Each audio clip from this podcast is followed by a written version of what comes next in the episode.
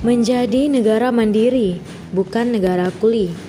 Dalam pidatonya beberapa waktu lalu, Presiden Jokowi mengingatkan agar pelaku usaha swasta dan BUMN di bidang komoditas tidak hanya fokus ekspor impor.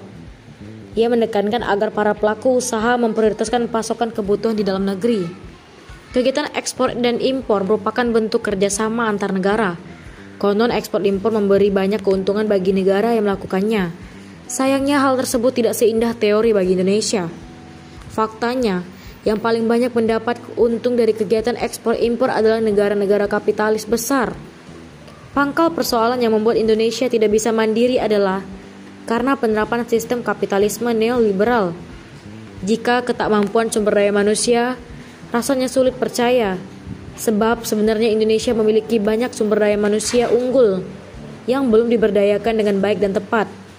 Adapun mengenai tidak adanya political will, itu bisa kita lihat dari berbagai regulasi yang mengatur pengelolaan kekayaan alam undang-undang yang ada syarat dengan kepentingan kapitalis.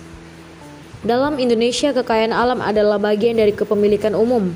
Negara berkewajiban mengelolanya, hasilnya diserahkan untuk kesejahteraan rakyat secara umum.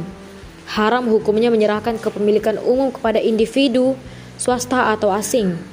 Di antara pedoman dalam pengelolaan kepemilikan umum, antara lain merujuk pada sabda Rasulullah SAW.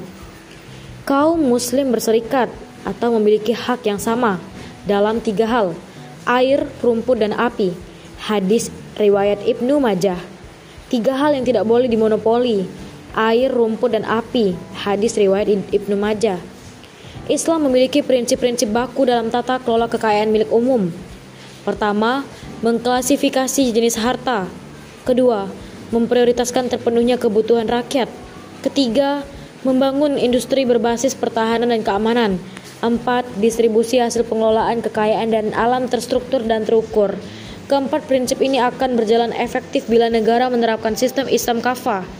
Dengan begitu, Indonesia dapat menjadi negara mandiri, bukan sekedar negara kuli yang mengemis investasi dan untung ke sana kemari.